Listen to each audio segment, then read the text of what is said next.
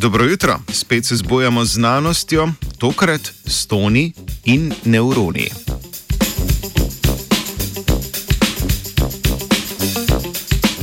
Poslušalstvo, pozdravljeno torej v novem tednu. Dan začenjamo z raziskavo objavljeno v reviji Cerebral Cortex.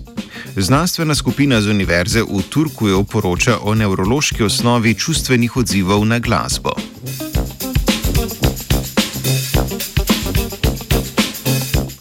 Osebe v povezavi s poslušanjem glasbe zelo konsistentno poročajo o občutkih sreče, žalosti, strahu in nežnosti.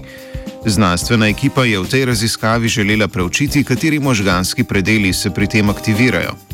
S pomočjo funkcijske magnetne resonance je slikala možgane 102 udeleženk in udeležencev, ki so prisluhnili glasbenim izsekom z različno čustveno konotacijo.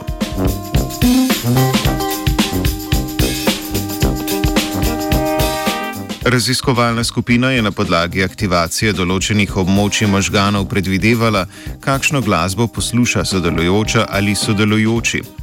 Pri poslušanju vesele, žalostne, strašljive ali nežne glasbe je bilo možno opaziti aktivacijo somatosenzoričnega in interoceptivnega sistema.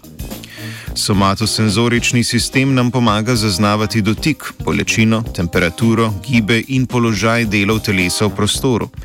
Interocepcija pa se nanaša na zaznavanje notranjih procesov in stanja telesa.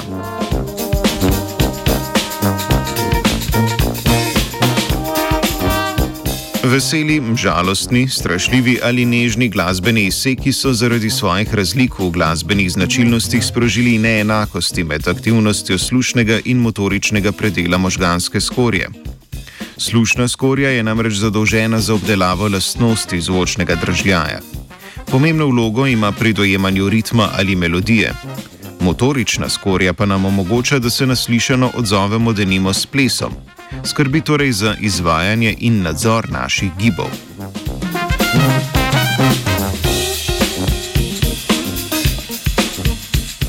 Znanstvenice in znanstveniki so primerjali še možgansko aktivnost med poslušanjem glasbe in ogledom videoposnetkov.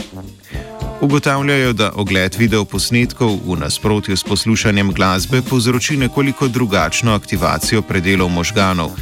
Videoposnetki namreč vsebujejo vizualne in slušne dražljaje, kar omogoča bolj bogato in realistično doživetje.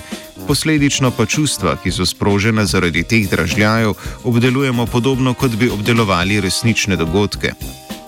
Na možganski ravni se to kaže v aktivaciji kortikolimbičnega sistema, ki pri obravnavi čustev deluje prirojeno in univerzalno.